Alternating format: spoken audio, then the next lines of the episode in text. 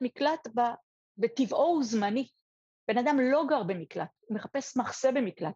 אנחנו צריכים לקלוט שכאן זה לא כזה גן עדן, ואנחנו לא כאלה מושלמים, ואנשים שמגיעים לפה, הם מגיעים לפה כי לא הייתה להם ברירה והם חפצי חיים, והם מאוד מאוד רוצים ברגע שהם יוכלו לעזוב חזרה לארצות המוצא שלהם.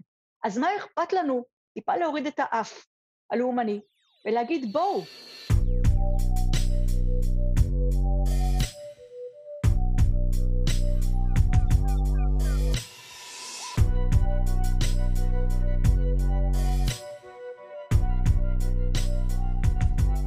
ברוכות וברוכים הבאים לעוד מפגש של הפודקאסט מה לעשות עכשיו, אה, חלק ממערך המדיה אה, רוזה מדיה, והפעם אה, אנחנו נמצאים עם ידידתי ציפורה גוטמן ואני דני פילק, שלום ציפורה. שלום דני. אז היום אי אפשר שלא לדבר על התוצאות העגומות של המלחמה באוקראינה, ואנחנו רצינו לדבר היום על היבט אה, ישראלי, לא בהקשר של תיווך או, או דברים כאלה, אלא בהקשר היותר אה, קרוב אלינו אה, של סוגיית הפליטים האוקראינים. כן, סוגיה שמטרידה אותי, אותנו, אמ, שבשבילי אני רוצה להגדיר את זה שזה עצב ושמחה משמשים בערבוביה. כי מצד אחד אנחנו רואים את ההתגייסות הגדולה של החברה הישראלית אה, אה, כאן בארץ למען הפליטים מאוקראינה, ואת האיסוף אה, מצרכים ומוצרים, ונסיעות של משלחות לגבול עם פולין ומולדובה, ו... ושיח ער על, על, על, על מה שאיילת שקד אומרת או לא אומרת. יש כאן קול. נכון. זה מצד ו... אחד. אז אני רק רוצה להדגיש בצד הזה ציפורה שזו הוכחה שכשהאזרחים והאזרחיות מתארגנים אה, יש לזה תוצאות. הרי אה, בהתחלה איילת שקד כשרת הפנים מבחינתה היא הייתה סוגרת לגמרי ולא הייתה נותנת אשרה אחת למי שהיא מגדירה למי שמבחינתה לא יהודים.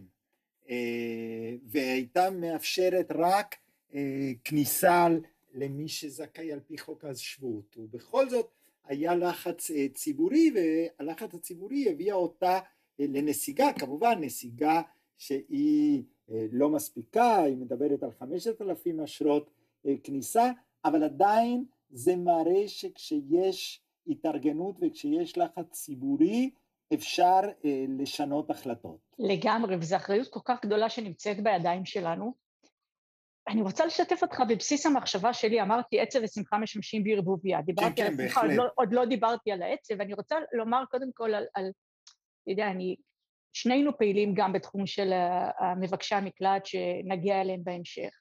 אמ, וכשהתחלתי לפעול בתחום של מבקשי המקלט מאריתריאה לסודאן, כאן בישראל לא נסעתי לגבולות אה, באפריקה, אבל הם היו צריכים אותנו כאן, אה, בהקמה של תנועת חרדים לגירוש, מה שעמד בבסיס המחשבה שלי ורלוונטי גם היום, אני דור שני לשואה.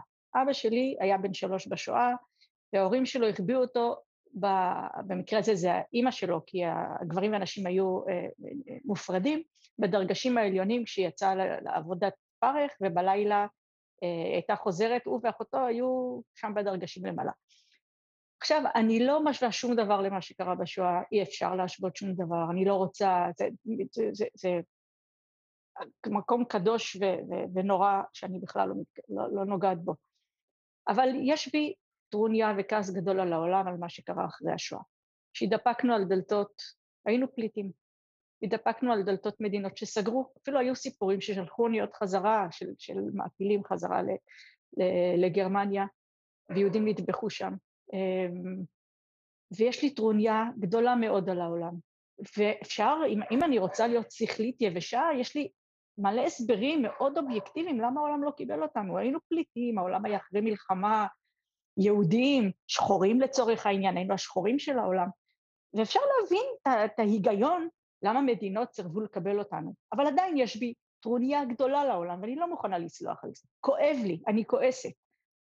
וכשמדינת ישראל היום מדברת, כשיש מלחמה וחרב מונחת על צווארם, יש היום פליטי חרב אחרים, כן? וכשאנחנו מדברים, שאנחנו נותנים חסות רק ליהודים, ורק יהודים מעניינים אותנו, ואנחנו חוששים על צביון המדינה שלנו, אני יכולה להתווכח עם זה מאוד, אבל עצם הרעיון שאנחנו מדברים במושגים, אם זה יהודי אנחנו עוזרים, אם אנחנו לא יהודי אנחנו לא עוזרים, למעשה אנחנו מעקרים מתוכנו את היכולת לבוא בטרוניה כלפי העולם שהוא יתנהג ככה אלינו. זה לא יכול להיות שאנחנו דורשים מהעולם שיתייחס אלינו כעם הנבחר, אבל כשאנחנו צריכים להיות עם נבחר, ועם נבחר זה לא אליטה, זה, זה להיות נבחר במעשים שלנו, כן?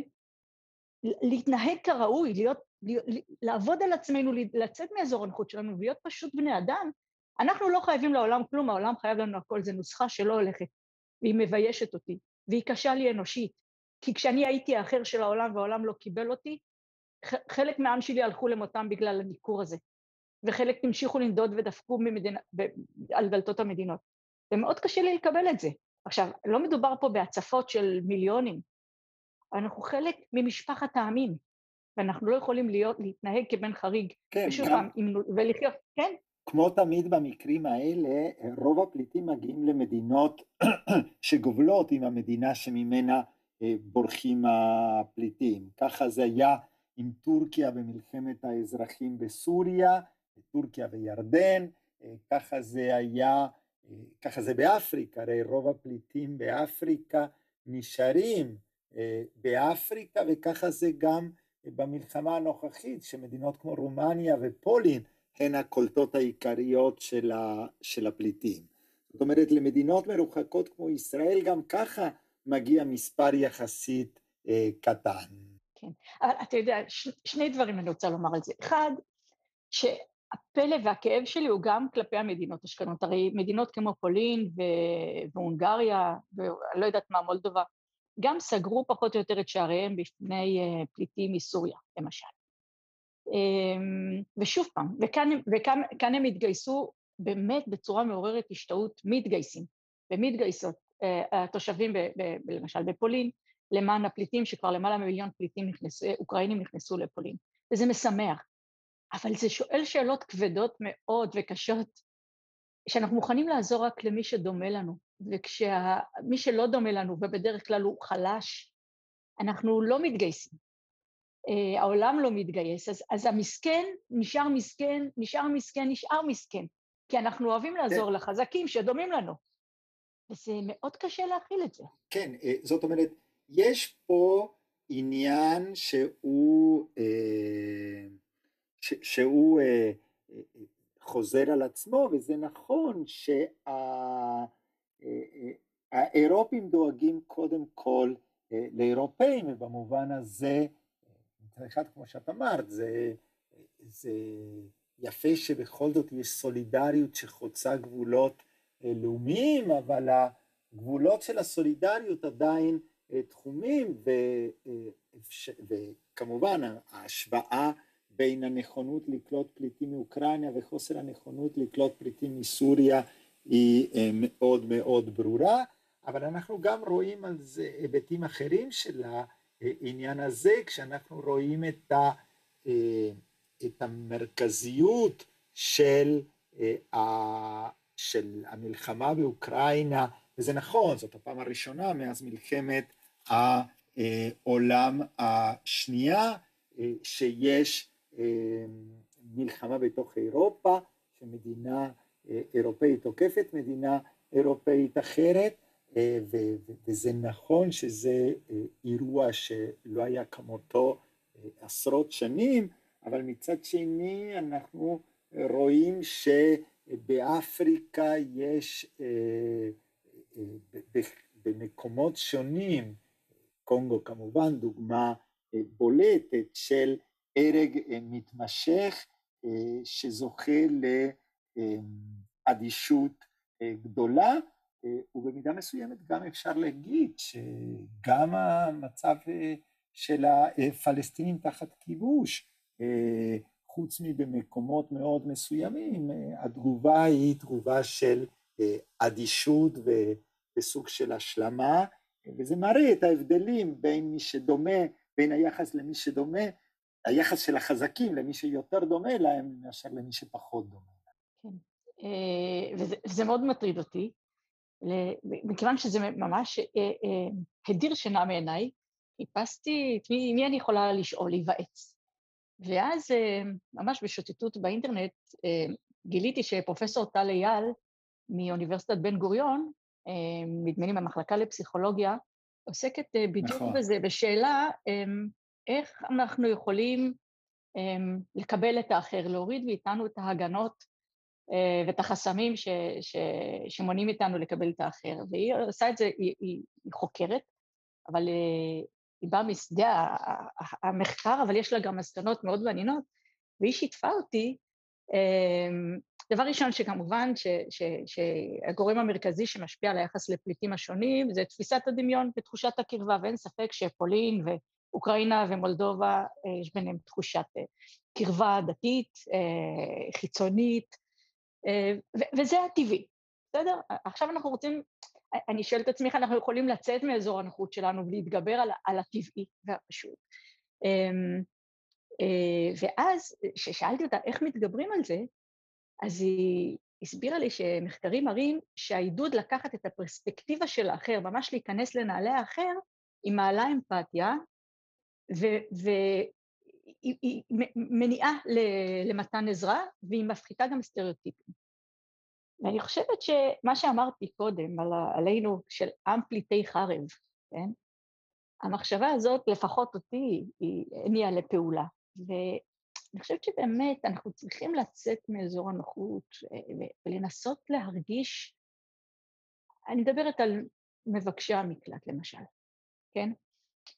למה לא התארגנו משלחות ישראל, אתה דיברת עכשיו על קונגו, אבל למה לא מתארגנות משלחות ישראליות לצאת ו- ו- ולעשות? ואנחנו ממש צריכים לחשוב שהיינו במצב הזה, כל כך היינו צריכים את העולם שאנחנו היינו מסכנים ודלים וחסרי קול, ואנחנו היום זכינו להיות העולם, אנחנו במדינה עצמאית, מסודרים כלכלית רובנו, אני מקווה. אמ, אנחנו חזקים, אנחנו חכמים, אנחנו נבונים. אנחנו פשוט צריכים לזכור שאנחנו עם פליטי חרב.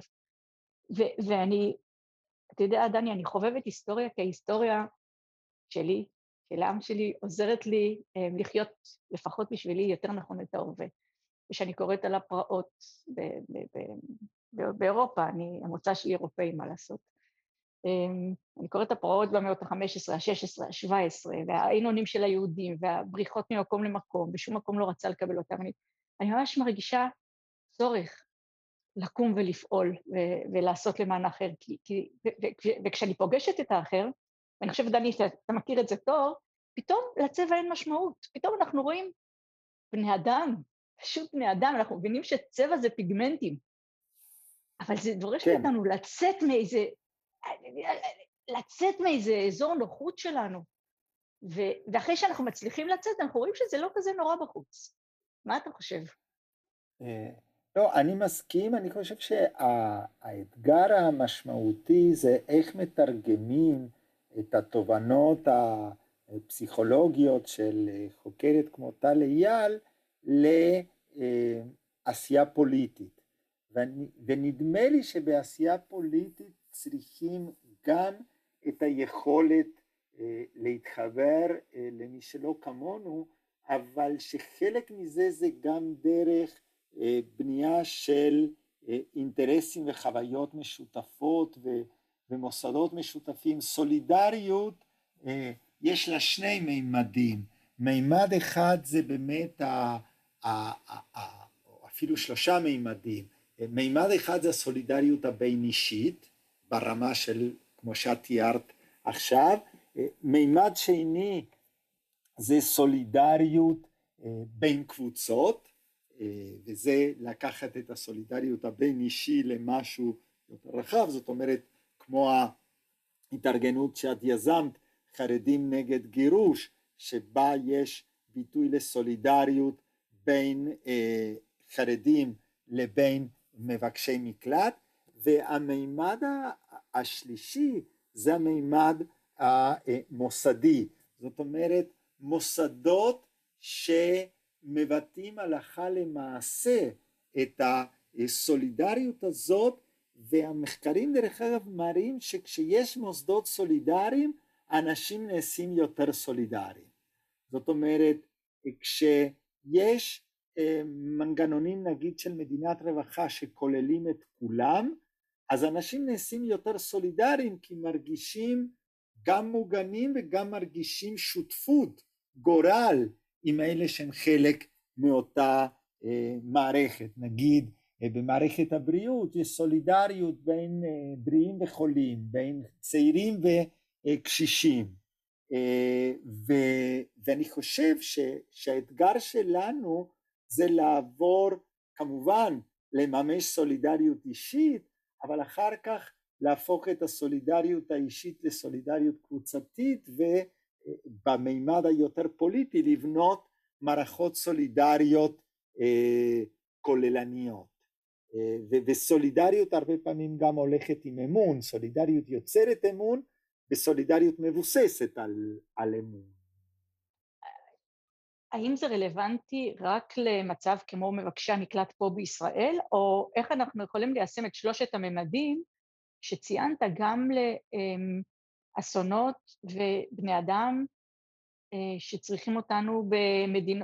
באזורים רחוקים ומוחלשים? אז, אז תראי, אה, שני, בוא נגיד ככה, שני, שני הממדים הראשונים זה יותר קל, כן? זה נכון. כמו שאת אמרת, את אותם אנשים, אותן התארגנויות שנוסעות עכשיו ל... ל... לפולין, מולדובה. אוקראינה, כן. במימד השלישי זה צריך יותר התארגנות פוליטית. למשל, אם אנחנו הולכים למשהו שגם יחבר אותנו לנושא השני, אם אנחנו חושבים על מקום שבו הסולידריות הזאת כשלה וזה הנושא של חיסונים נגד קורונה. זאת אומרת מדינות כמו ישראל או כמו מדינות אירופה, ארצות הברית, קנדה יכולות להרשות לעצמן אה, אה, לתת דחף רביעי של החיסון כשיש מדינות אה, עניות, מדינות לא מפותחות שבקושי סיימו את ה... הסבב השני ושגם שיעורי ההתחסנות בשתי המנות ההכרחיות כדי שיהיה חיסון מינימלי עדיין רחוק מהשיעורים שבמדינות כמו שלנו קיבלו כבר חיסון שלישי או רביעי. ופה מנגנון זאת אומרת מדינות עשירות כמונו אה, אה, אה, רכשנו ואני לא, לא, לא נגד זה, זאת אומרת אני חושב שטוב שישראל הייתה יכולה לחסן אה, בצורה כה מרשימה את האוכלוסייה שלה, אבל היה חסר מנגנון אה, של, אה, מנגנון מסודר של סולידריות בין מדינתית, שדרך אגב היא גם מבוססת על אינטרסים, כי אחד הדברים שלמדנו זה שכל עוד שהווירוס קיים במדינות מסוימות, האפשרות של אה, הופעה של וריאנטים חדשים עדיין קיים, זאת אומרת שגם לא רק מ... זה, זה העניין שסולידריות זה לא אלטרואיזם, סולידריות גם מבטא אה, אינטרסים משותפים ויש אינטרס משותף למגר את הווירוס כי כל עוד שיש וירוס במקום אחר עדיין אין אף מקום שיכול להרגיש בטוח לגמרי. למעשה אתה מדבר על לחולל שינוי בתפיסה מאוד עמוקה שבממדים מאוד מאוד רחבים. אה, כי זה לא מספיק שקבוצה קטנה תרצה לעשות את השינוי, צריך גם שיהיה שיתוף פעולה בין כל מיני גורמים ושהם בעלי יכולת. המימד השלישי של סולידריות מחייב אה, שינוי פוליטי מוסדי, או ברמה של המדינה, כמו נגיד במקרה של אה, להכניס את מבקשי המקלט במערכת הבריאות הציבורית למשל, או אה, אז זה ברמה הלאומית, ברמה הבינלאומית כמובן יותר מורכב כי, כי האינטרסים, כי יותר קשה לחבר בין האינטרסים, אני חושב שדווקא מקרה כמו הפנדמיה, למרות שהעולם במידה מסוימת, או לא במידה מסוימת, נכשל במבחן הזה, אבל הפנדמיה כמו משבר האקלים אה, מראים את הצורך במנגנונים אה, על-לאומיים שיבטאו את האינטרסים המשותפים ואת הסולידריות שנובעת מהאינטרסים המשותפים. ולמעשה אם כרגע במצב הנתון, בזמן הנתון הזה, אנחנו, יש התעוררות של, של הבנה של פליטים ו- ושהעולם לא בטוח, בעצם לאף אחד, היום זה הם, מחר זה אנחנו, זאת אומרת, אף, אף אחד לא חשב שזה יהיה שם. אמ, אז אנחנו יכולים להתמקד, טוב, המימד האישי זה עבודה אישית של כל אחת ואחד. אמ, אני חושבת שאולי את הגל הזה של הסולידריות שנוצר, שיצאו קבוצות לגבול פולין, שאתה יודע, זה כבר היה דחף, לא, לא חסר שם כוח אדם, כן? אבל עדיין יצאו, יצאו קבוצות לעזור כאן מהארץ. אמ, אה, איך, איך אנחנו משמרים את זה ומצליחים לייצר כאן משהו שיישאר ולהפנות אותו למקומות דווקא הרחוקים והחלשים. כי, אתה יודע, זה מזכיר לי, זה, זה לוקח אותי, הפליט, מבקשי המקלט פה בישראל, רק מי שעובד יש לו ביטוח בריאות. עכשיו, מי לא עובד? החלשים ביותר והחולים.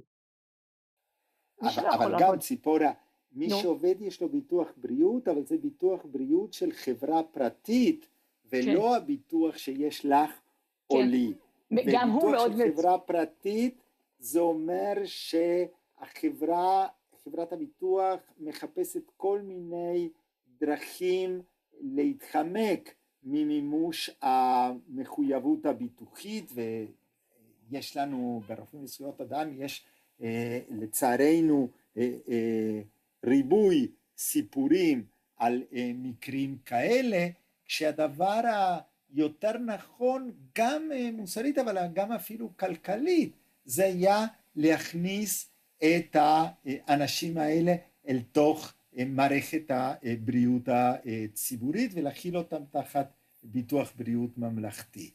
לגמרי, על הקושי הזה שאתה מעלה, יש, יש את הקושי שדווקא החלשים אפילו את זה אין להם, כן? אז החלשים ביותר שלא יכולים לעבוד, והחולים שלא יכולים לעבוד, להם אין ביטוח בריאות, ואנשים מתים. נכון. כי אין להם ביטוח בריאות, כי הם לא יכולים לעבוד, ולכן אין להם... זאת אומרת, תמיד החלשים, אנחנו, אנחנו עוזרים לחזקים, נעים לנו, אה, כי קשה לנו להתמודד עם הקצוות, וזה מאמת אותנו באזורים מאוד לא נעימים. אה, קשה לנו נפשית לפגוש את המצוקות האלה, אבל הם הכי צריכים אותנו.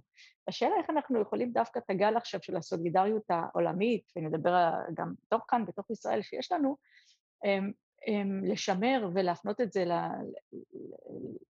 לצרות של חלשים, שהמחשבה שלי זה קודם כל על מבקשי המקלט פה, ש, שאתה יודע, דני, חשבתי שאחרי 2018 הצרות נגמרו, לא גירשו אותם, ושלום על ישראל. כן. אבל המצוקות... דרך אגב, ציפורה, מניעת הגירוש אה, של, של מבקשי המקלט ב-2018 היא דוגמה לסוג כזה של סולידריות שהיא לא אה, אלטרואיסטית, זאת אומרת אחד, ה, אחד הצעדים שהביאו לנסיגה של הממשלה זה הרעיון של אה, דרום תל אביב נגד גירוש, זאת אומרת כשתושבים מהדרום אמרו יש לנו אינטרסים משותפים עם מבקשי המקלט וזה לא רק אה, איזה מין אה, הזדהות אה, או, או פעולה אלטרואיסטית מלמעלה למטה, אלא להגיד